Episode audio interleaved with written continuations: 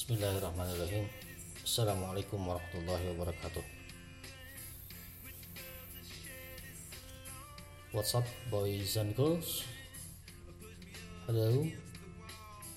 Welcome and welcome back to my class with me Dianur Rahman.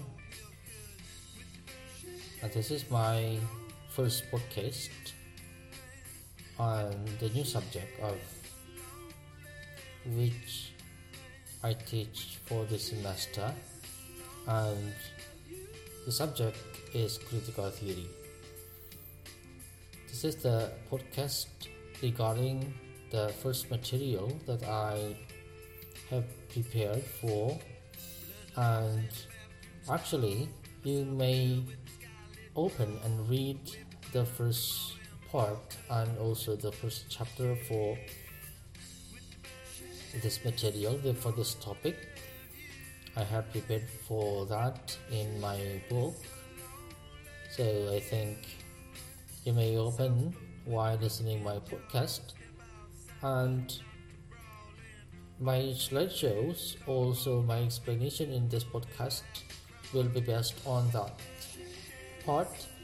That's why this explanation or this podcast also will be uh, entitled as the polemical introduction. Uh, the quest and the questions of science art language and literature. Well everyone stay healthy and i hope you are happy. You got happiness every day and starting from this occasion you have to be ready for the subject that we will go for this semester the critical theory itself. And this occasion or this podcast will be the first to get into the discussion of the critical theory itself. A polemical introduction, the quest and the question of science, art, language, and literature. Let's explore. But before that, I think um, later this explanation will be mixed up with Bahasa Indonesia because I believe that my Bahasa Indonesia will uh, get more understanding in terms of the explanation itself. Alright, ladies and gentlemen, let's explore the first thing to be discussed here about modernity and modernism. It's uh, it's a term for a Western perspective from the Renaissance to the first half of the 20th century. Well, ladies and gentlemen, um, the historical relations in terms of modernity and modernism will be explored in terms of the Western perspective, and because of those things, you have to understand that all the narratives presented here again and again are based on the Western perspective, not the Eastern perspective, not uh, our religion's perspective, for instance, no, but purely the Western perspective, which later also will be uh, related, will be jointly related to the other things in terms of the uh, uh, relationship between all of uh, not between but among um, science, language, literature, art, and so on and so forth, including culture and religion as well. Well, ladies and gentlemen, I'm going to use my Bahasa Indonesia for a starting point in discussing this topic.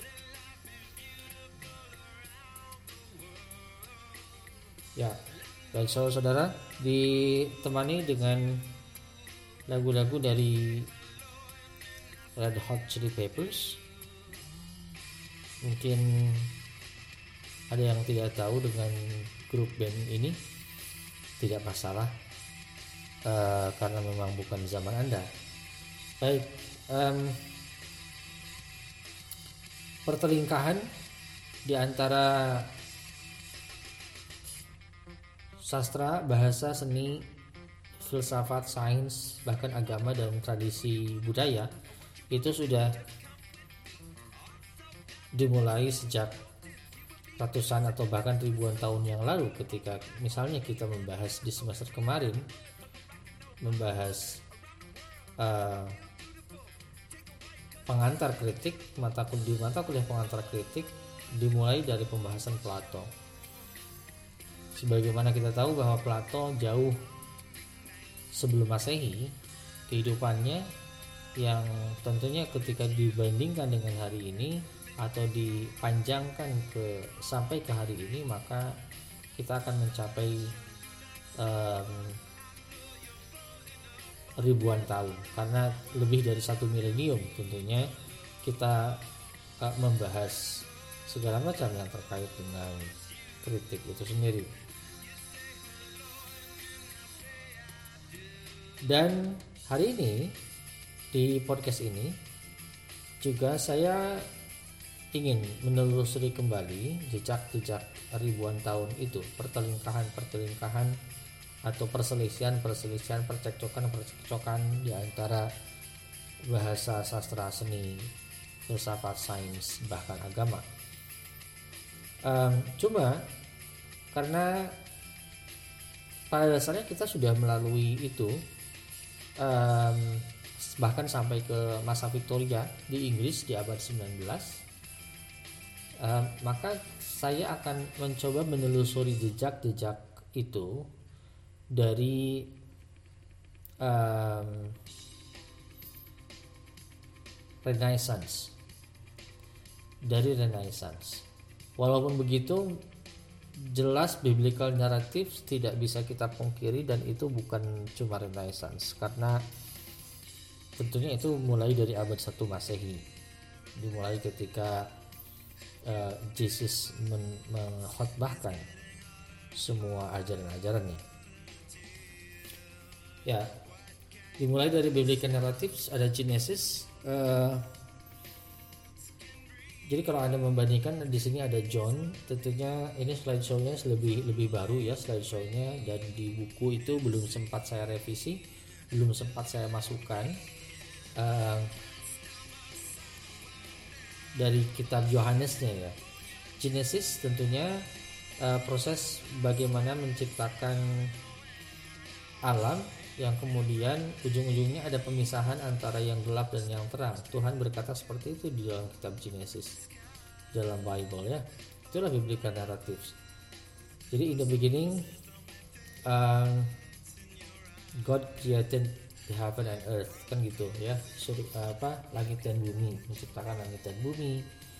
Uh, kemudian menciptakan semua hal lalu memisahkan yang terang dari yang gelap dan yang kemudian itu menjadi titik tolak titik pangkal dari dari adanya justifikasi bahwa oh saya orang Eropa saya saya putih saya terang dan kemudian saya berbeda dengan yang gelap.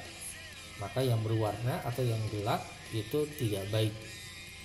Karena Tuhan juga mengatakan bahwa yang terang itu selalu baik. Begitu di dalam Genesis maka ini menjadi sumber justifikasi pertama bagi bagi orang Eropa. Penelusuran jejaknya dari situ ya. Bahkan bahkan dari situ. Kemudian dari kitab Yohanes di Bible juga itu ada dua ada dua narasi yang unik ya. Dua narasi yang unik. Kalau kalau Genesis itu penciptaan alam, realitas, penciptaan realitas. Kalau Yohanes itu penciptaan realitas lewat kata gitu.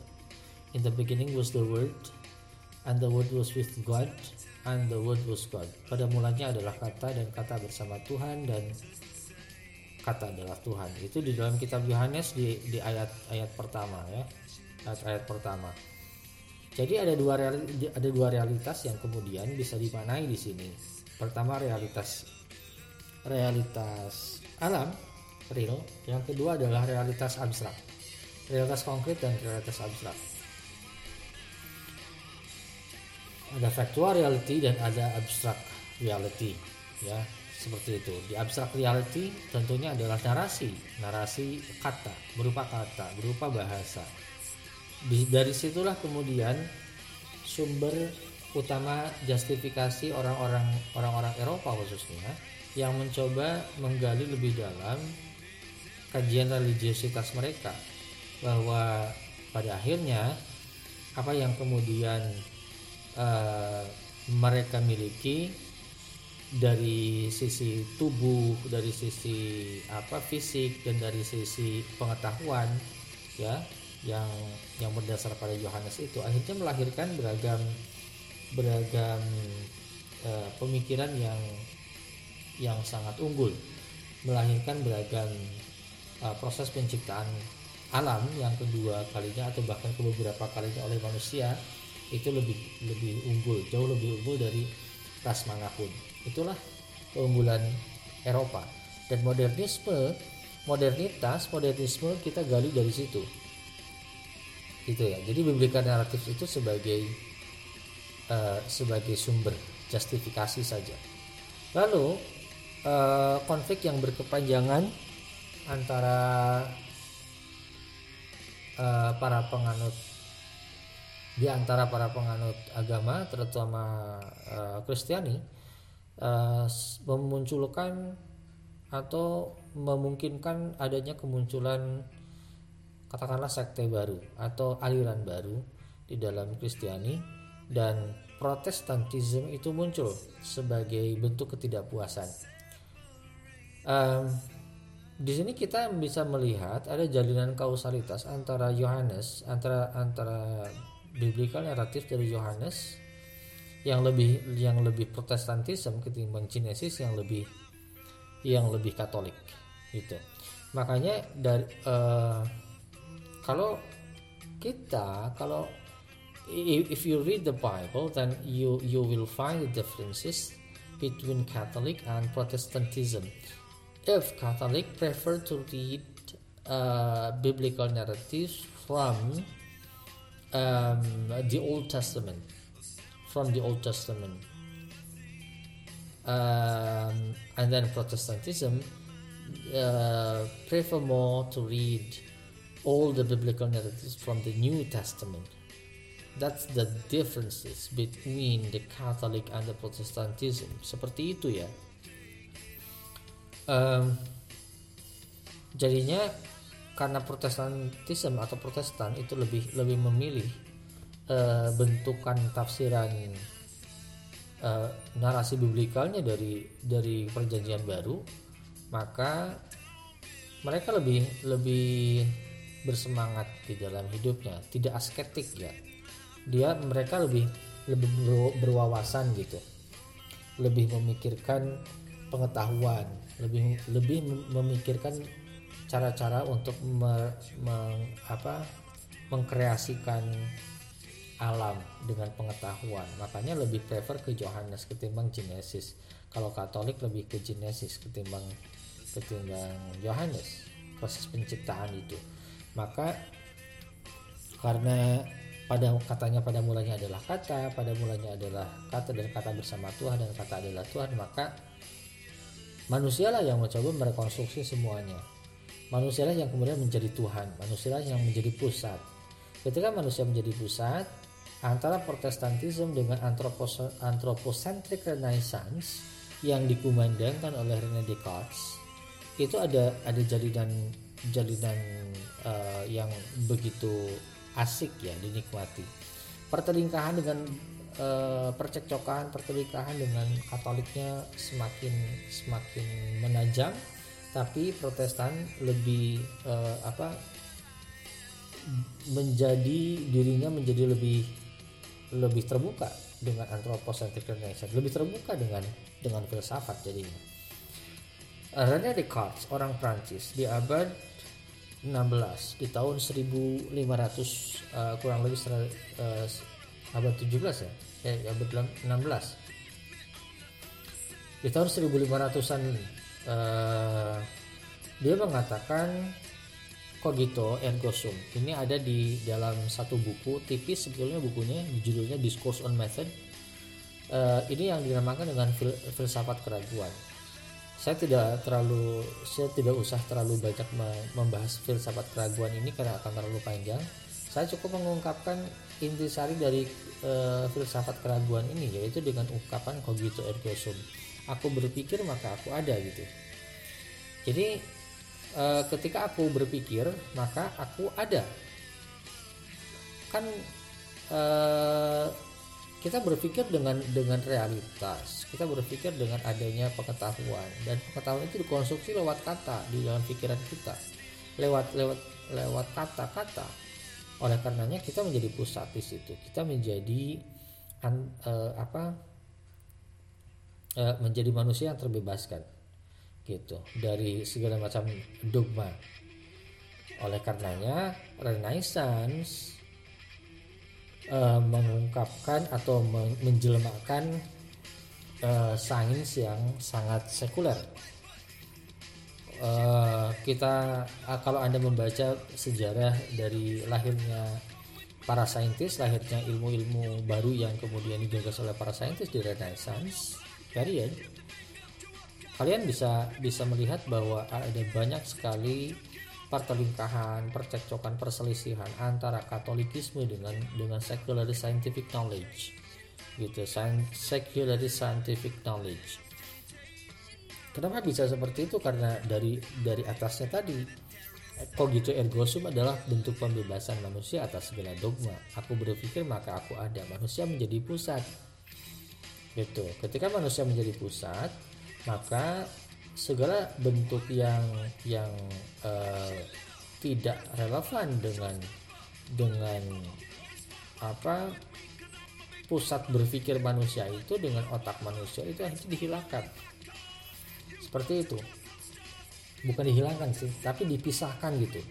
Jadi urusan agama misalnya itu urusan pribadi sedangkan urusan yang berkaitan dengan proses uh, re, apa um, reproduksi realitas berurusan dengan dengan imitatif gitu ya dengan dengan memesisnya realitas yang direproduksi oleh manusia itu lebih sekuler. Tidak ada kaitannya dengan agama gitu. Maka mereka akhirnya mengembangkan secular scientific knowledge seperti itu. Dan dari situ muncul twin revolution narasi du, narasi dua dua revolusi kembar antara England's industrial revolution and France uh, uh, democracy ya revolution uh, revolusi Prancis dan revolusi industri.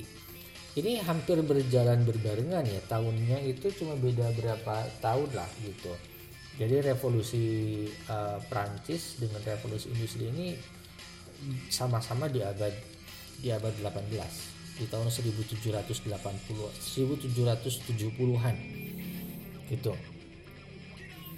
Dan akhirnya seperti yang yang hari ini kita eh, apa ketahui ujung-ujungnya demokrasi ala Amerika Serikat menjadi pola narasi yang terakhir yang bisa dijangkau dari rang, rangkaian atau runtutan narasi-narasi dari biblical narratives, Protestantism, dan anthropocentric renaissance, psychology scientific knowledge, twin revolution, dan berakhir mencapai titik kulminasinya di US demokrasi.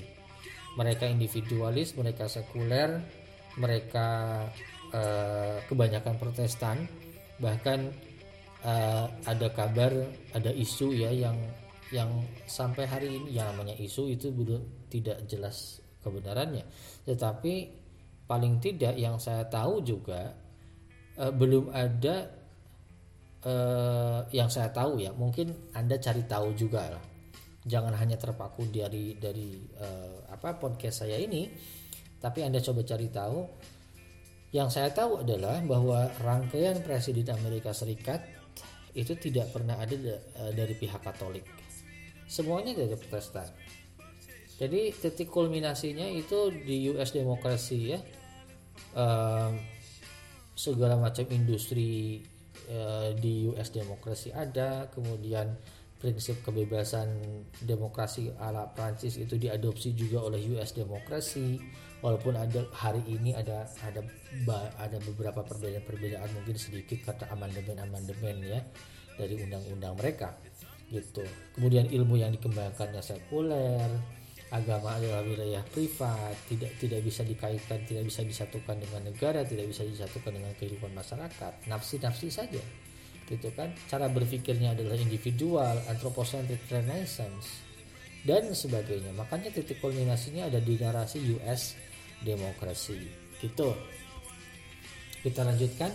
Dan uh, sampai di itu narasi narasi dari bagaimana sains agama uh, kemudian juga sejarah mencatat beragam uh, pertelingkahan dan juga uh, apa um, konsensus.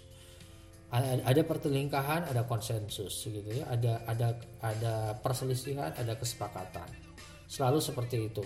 Bagaimana yang satu sepakat dengan yang satu yang lainnya tapi tidak sepakat dengan yang lainnya juga. Sampai di abad 19 kurang lebih maka eh, kita bisa melihat bahwa narasi itu semakin menguatkan uh, secular scientific knowledge dan anthropocentric renaissance-nya. Itu yang kemudian kita akan lebih kembangkan lebih jauh di pembahasan kita uh, apa di topik ini.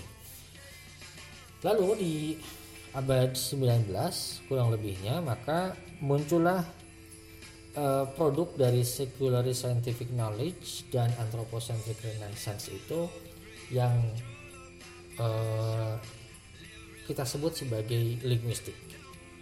Oke, okay, bagi anak linguistik saya sebut linguistik ya. Dan linguistik ini adalah menjadi titik awal, titik pangkal dari beragam kekacauan. beragam kekacauan. Jadi uh, linguistik ini perusuh gitu ya linguistik ini perusuh dia masuk ke mana-mana akhirnya. Dia merambah beragam hal yang akhirnya bisa uh, apa uh, membuat semua aspek dalam dalam kehidupan itu bertelikah semuanya. Itu saling saling cekcok gitu.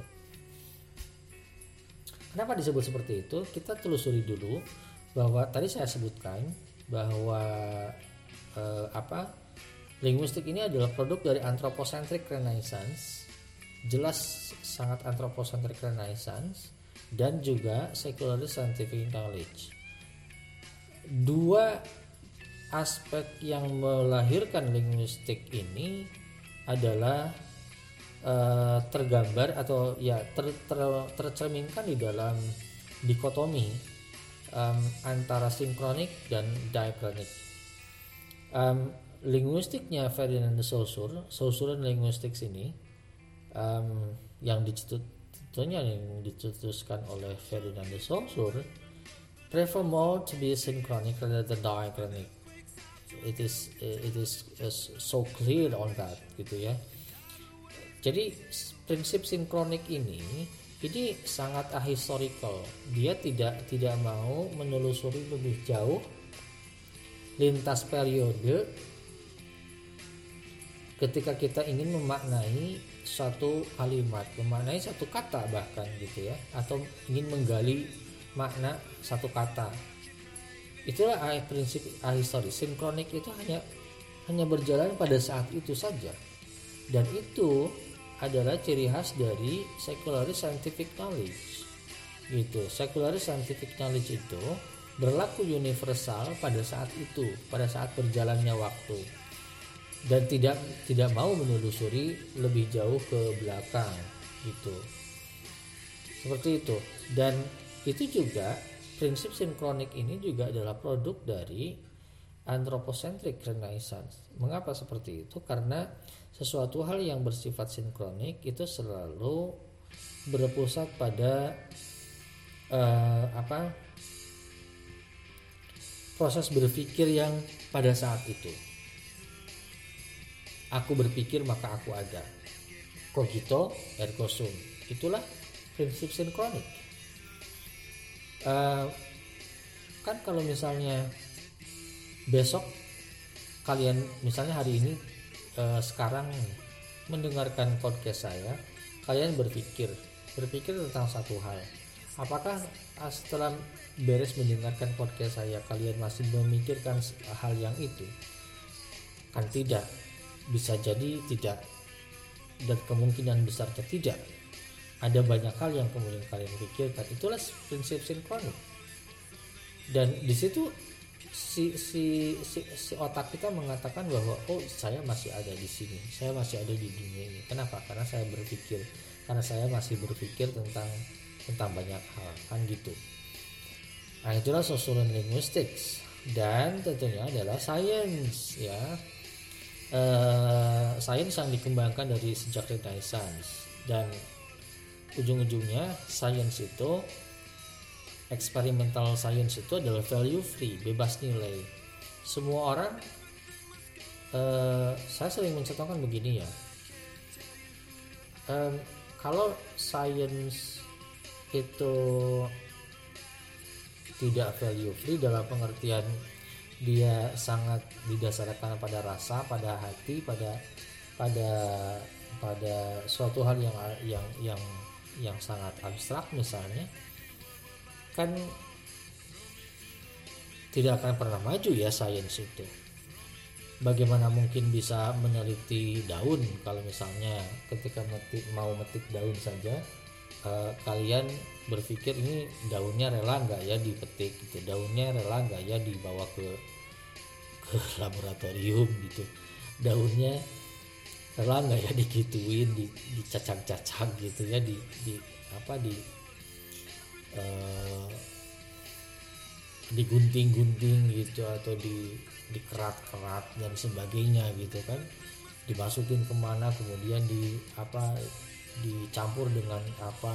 Itu akhirnya kan nggak maju-maju. Maka value free adalah slogan yang sangat sangat uh, mendukung experimental science gitu. Science sebagai uh, sekularis yang sekularis itu. Karena kalau tidak sekularis maka tidak akan maju gitu kan? E, seperti itu. Anggapan orang-orang Eropa.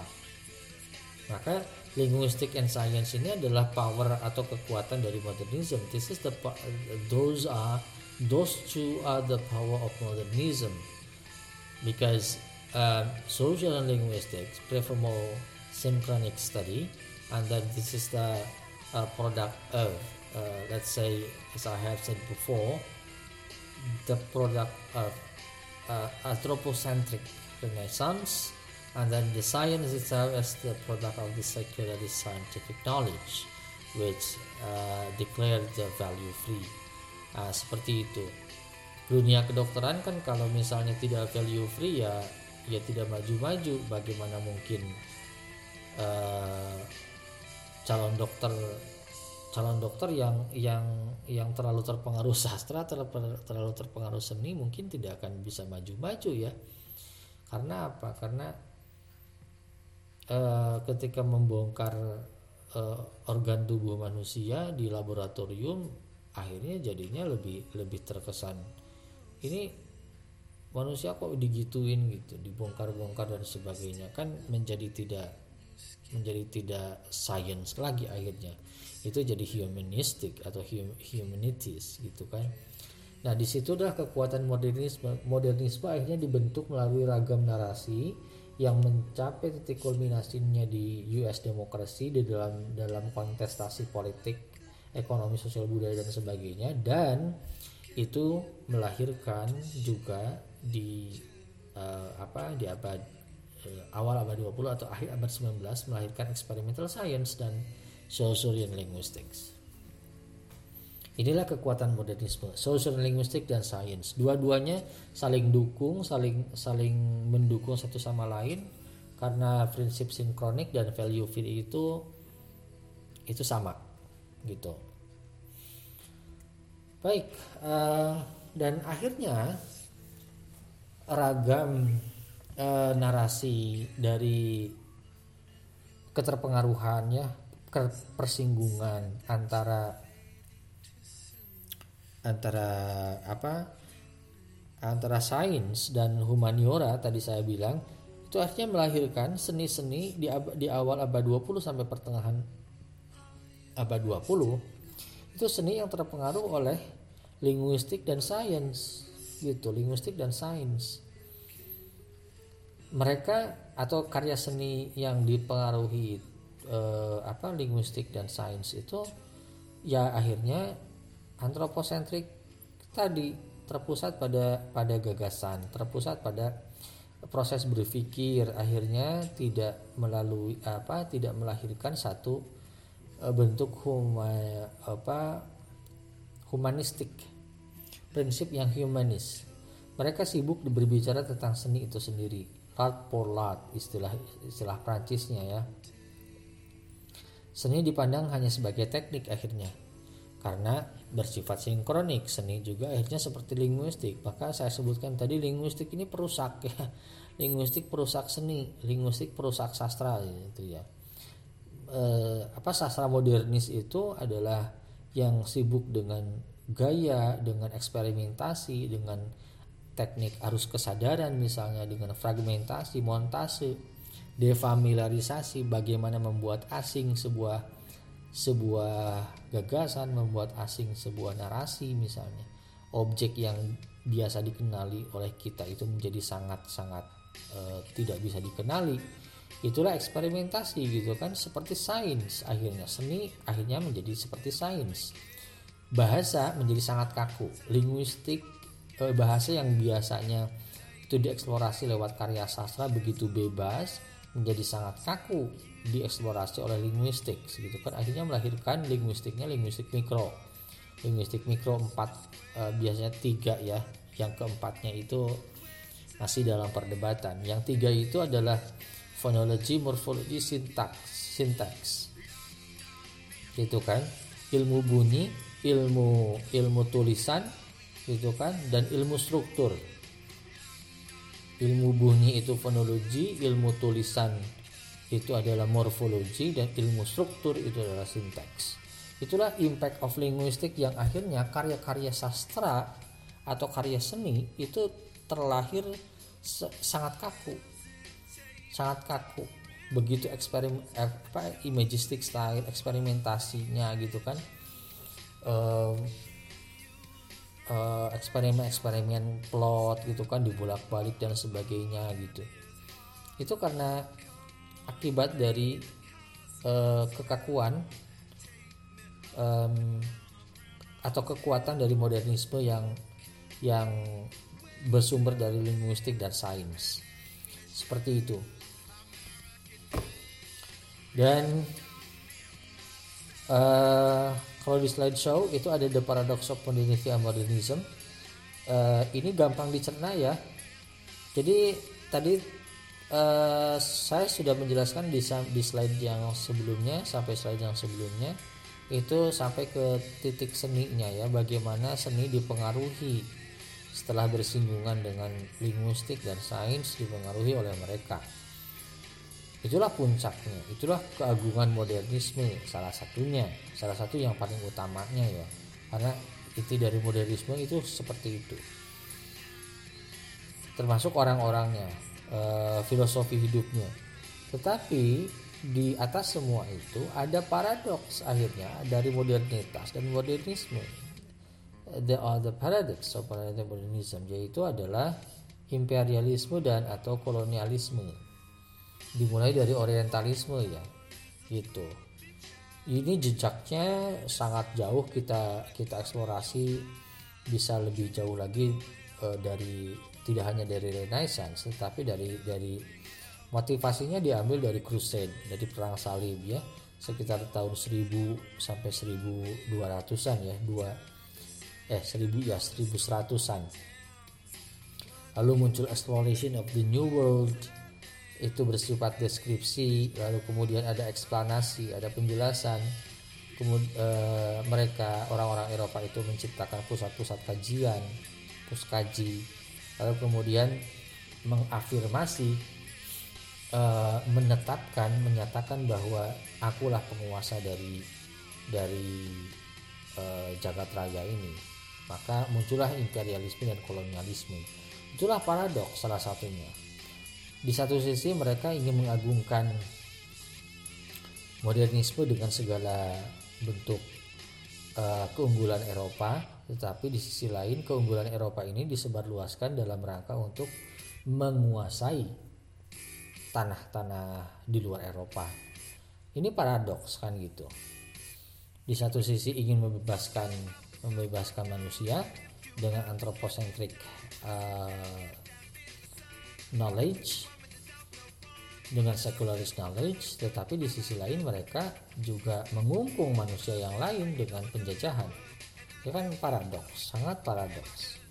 Di slide selanjutnya saya jelaskan masih paradoks ini hegemonic knowledge uh, universal single truth claim yang akhirnya akibat dari penjajahan, akibat dari kolonialisme, maka mereka orang-orang Eropa itu menanamkan pada dirinya dan pada orang lain bahwa hanya ada satu klaim kebenaran yang universal yaitu yaitu yang mana? Yang mereka katakan.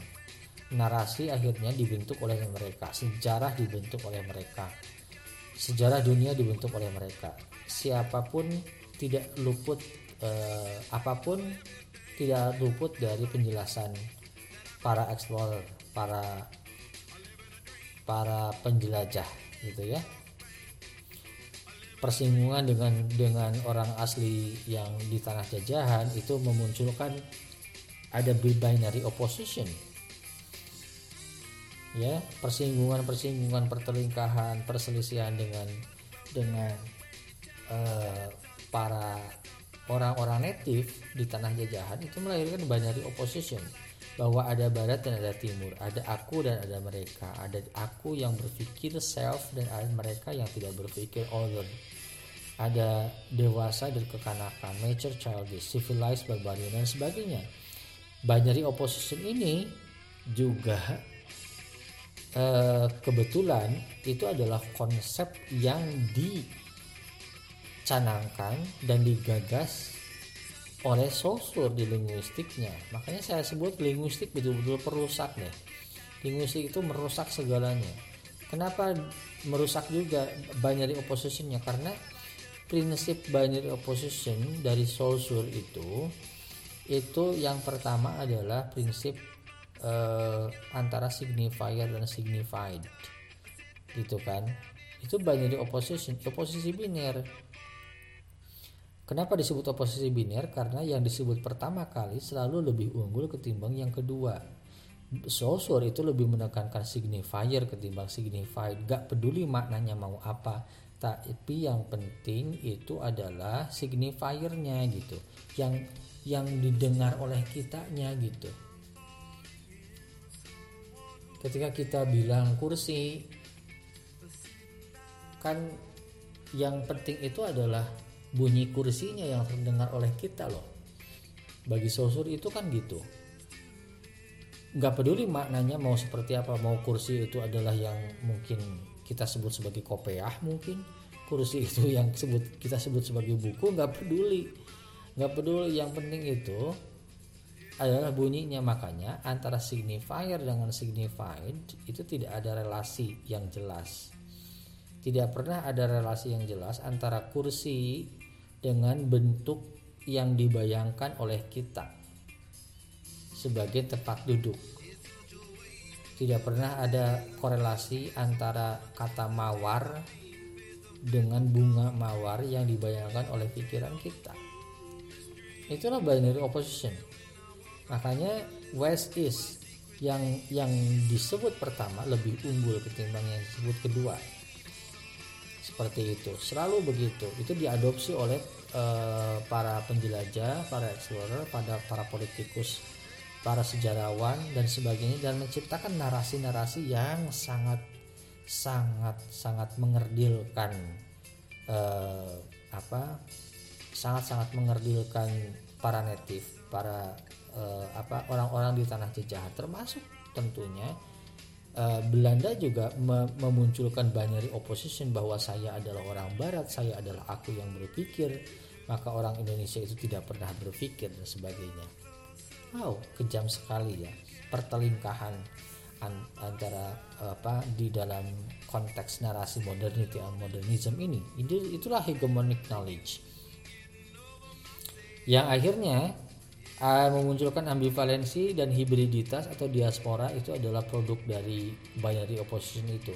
Di satu sisi kita sebagai orang timur tidak mau berperilaku seperti barat tetapi di sisi lain kita banyak mengadopsi dari kehidupan barat. Kan begitu ambivalen ambivalen itu kita me mencintai dan membenci satu objek yang sama sekaligus dalam waktu yang bersamaan. Itulah ambivalensi. Gitu uh, iyalah gitulah ya.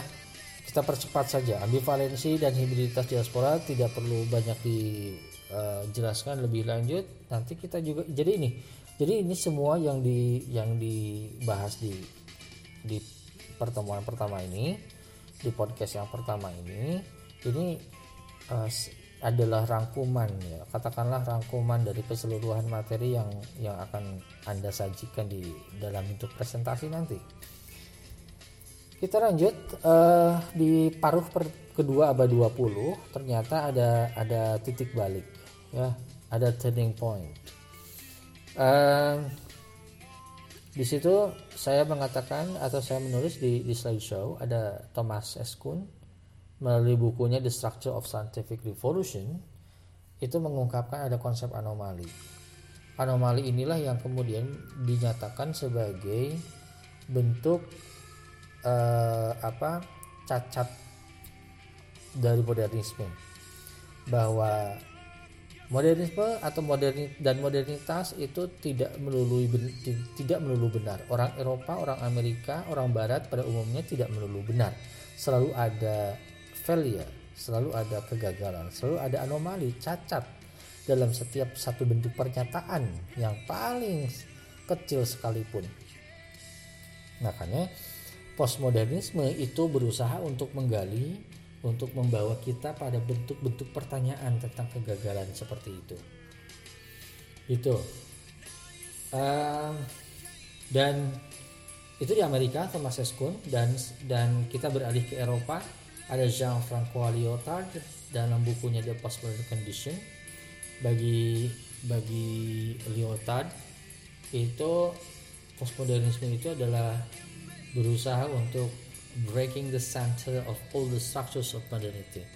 And then, uh, according to him, there are no grand narratives because some rational global solutions and explanations, some general principles, and some binary oppositions which stabilize all development of knowledge is nonsense. Itu semuanya nonsense. Semua yang rasional, yang global, solusi global, penjelasan penjelasan global, prinsip umum oposisi biner yang mencoba menstabilisasikan uh, apa dunia gitu kan dengan aku yang yang lebih unggul dan di, mereka yang tidak unggul itu nonsens semuanya. Pengetahuan itu tidak didasarkan dari seperti itu. Narasi-narasi pengetahuan itu di setiap zaman di setiap masa itu pasti ada kegagalannya nah ini yang tidak disadari oleh uh, para para sin sinkronus people ya. Oleh oleh oleh para ahli linguistik oleh para ahli sains yang value free katanya gitu. Jadi in the postmodern condition the grand narrative has lost its credibility. Knowledge now consists of a heterogeneity of competing local knowledges jadi pengetahuan-pengetahuan itu selalu selalu bersifat lokal akhirnya. Tidak pernah ada yang universal. Gitu. Itu kata Lyotard dan postmodernisme berusaha untuk membawa semua itu. Menghancurkan struktur yang tetap lalu kemudian memberikan eh, pertanyaan-pertanyaan uh, terhadap uh, struktur itu struktur yang tetap itu. Postmodernisme tidak memberikan solusi tetapi memberikan memberikan satu satu serangkaian pertanyaan bahwa kenapa bisa seperti itu? Kenapa kenapa kalian tidak menyadari ada anomali? Kenapa kalian tidak menyadari bahwa setiap pengetahuan itu selalu selalu memiliki prinsip umumnya sendiri? Jadi pengetahuan yang ada di Indonesia itu prinsip umumnya adalah Indonesia. Berbeda dengan pengetahuan yang diproduksi di Eropa berbeda dengan yang di Inggris berbeda dengan yang di Amerika di Prancis dan sebagainya itulah postmodernisme. Dan saya mempertanyakan bahwa are we in the real postmodernism? Uh, di sana satu konteks historis saya sajikan September 11 2001 mungkin ada yang baru lahir ya. 2001 ada yang baru lahir mungkin angkatan ini. Uh, saya tidak tahu apakah ini kalian lahirnya tahun berapa saja September 11 2001 marked the peak of the anomalies of Western legitimate knowledge ya uh, runtuhnya WTC ya akibat ditabrak oleh pesawat yang katanya uh, yang bertanggung jawabnya Al Qaeda. Makanya kemudian dari sana muncul perang melawan terorisme. Uh, Al Qaeda diburu, Osama bin Laden diburu kan dan sebagainya. Tapi apakah betul narasinya seperti itu? Gitu kan? Apakah betul?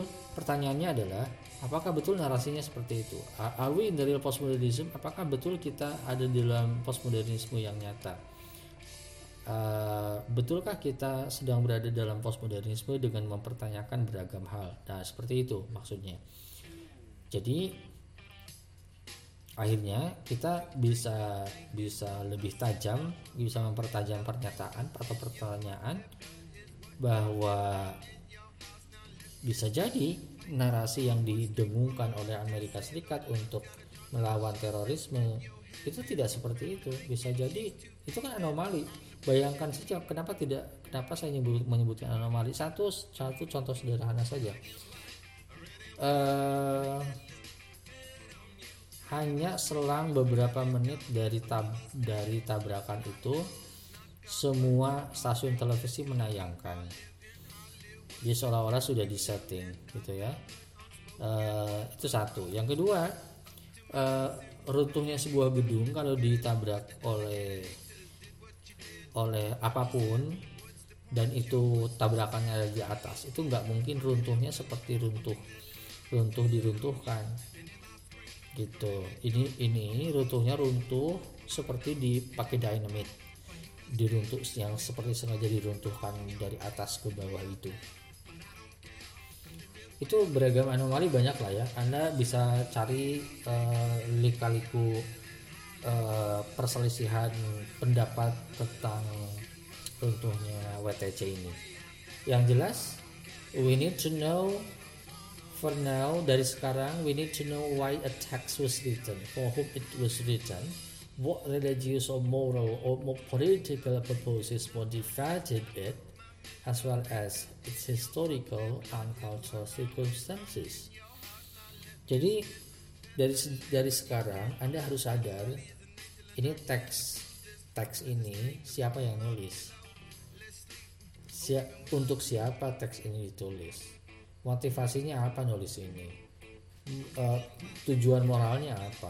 Moral uh, religious purpose-nya apa atau religious uh, circumstance-nya apa gitu apakah ada sentimen agama di dalam sebuah tulisan sains bahkan gitu kan saya saya curiga uh, dari dari dulu juga seperti itu selalu ada sentimen agama bahkan gitu ya. oleh karenanya misalnya kita tidak menemukan di dalam buku-buku IPA ada disebut Ibnu Sina, Ibnu Rus, Ibnu Arabi gitu kan. Uh, banyak filsuf muslim ya yang yang yang juga saintis. Ibnu Sina jelas adalah bapak kedokteran dunia tetapi kenapa tidak tidak pernah dituliskan di dalam buku-buku IPA gitu yang diajarkan di sekolah-sekolah? Itu kan narasi semuanya narasi. Jadi apakah betul kehidupan ini uh, apakah betul bahwa aku berpikir maka aku ada jangan-jangan kita semua nggak ada gitu itu kan dan 21st century kita berada di abad 21 bahkan Anda banyak yang mungkin generasi Z yang lahir di tahun 2000, 2001 dan sebagainya.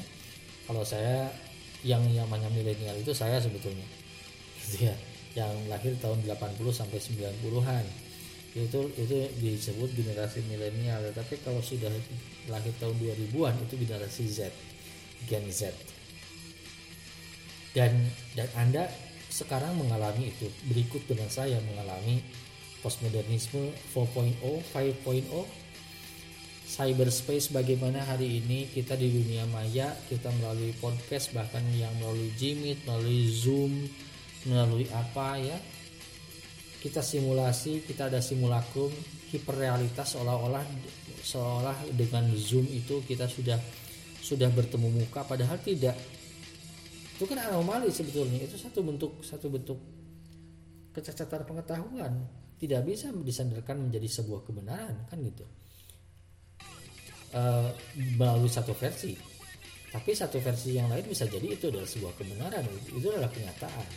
Zoom itu adalah kenyataan uh, podcast hari ini anda mendengarkan di Spotify itu adalah satu satu kenyataan. Uh, tapi apakah itu kebenaran? Kan belum tentu juga. Apakah yang saya obrolkan juga ini adalah sebuah kebenaran? Kan belum tentu juga. Dunia akhirnya menjadi multipolar. Dunia multipolar kemudian dunia uh, budaya menjadi plural plural ya pluralisme budaya kemudian betul-betul eliminating grand narratives. Semua menjadi Tuhan semua semua berebut menjadi Tuhan hari ini. Setiap orang itu berebut menjadi Tuhan bagaimana tidak? Karena semua orang akhirnya berusaha untuk memutuskan siapa yang berhak memunculkan kebenaran. Kan gitu. Semua orang tidak hanya tidak hanya negara Amerika Serikat hari ini. Bahkan anda bisa menjadi menjadi orang yang sangat berkuasa di dunia ini jika semuanya jika semua teknologi dikuasai oleh anda kan gitu. Nah makanya dari sana critical theory berusaha untuk me mengembangkan berusaha untuk uh, apa memunculkan bahwa uh,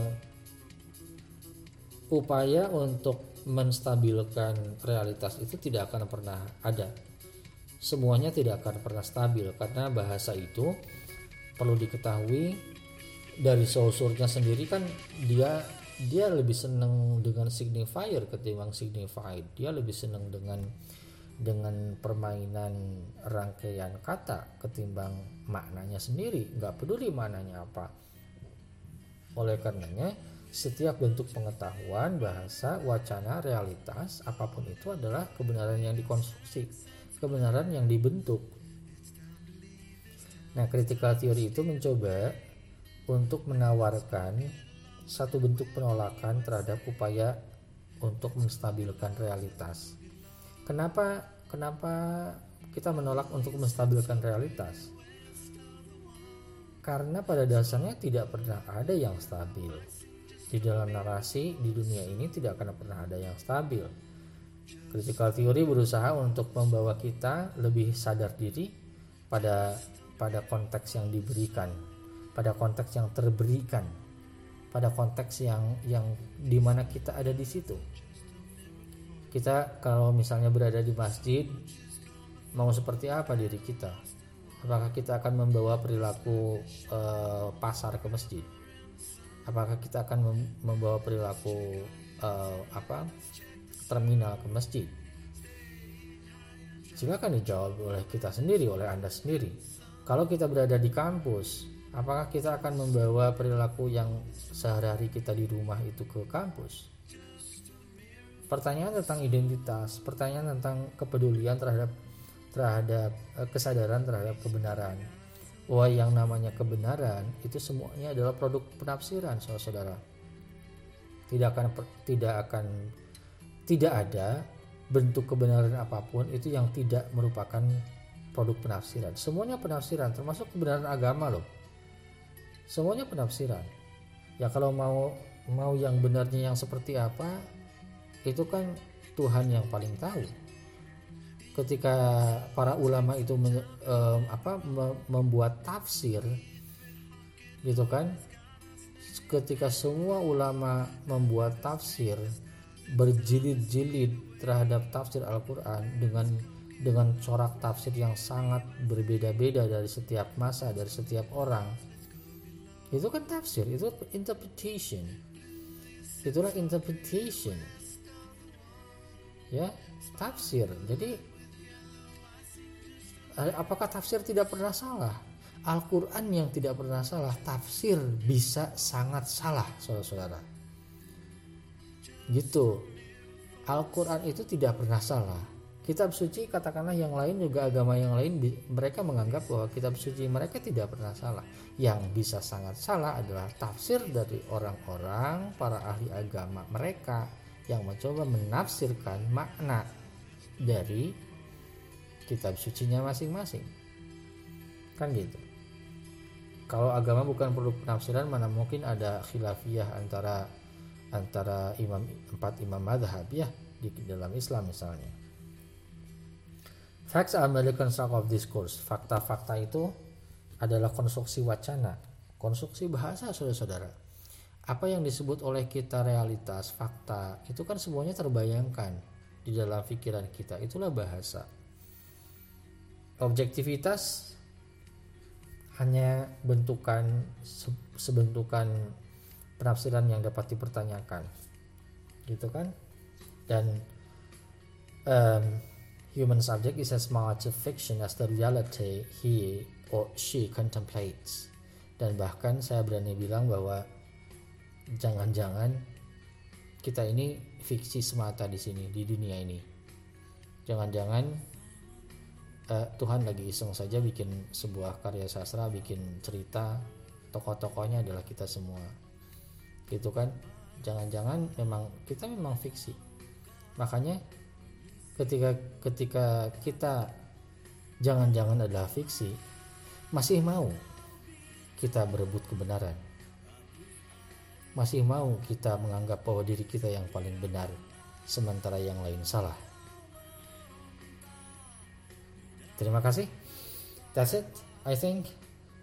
Um, for my podcast for my explanation of this week topic about the first material about the first topic and uh, I am pleased to uh, be asked by all of you. Then please welcome questions and comments and any kind of things related to uh, your arguments if if you want to share it just please on whatsapp group after you are listening to my podcast Thank you again. That's it. Assalamualaikum warahmatullahi wabarakatuh.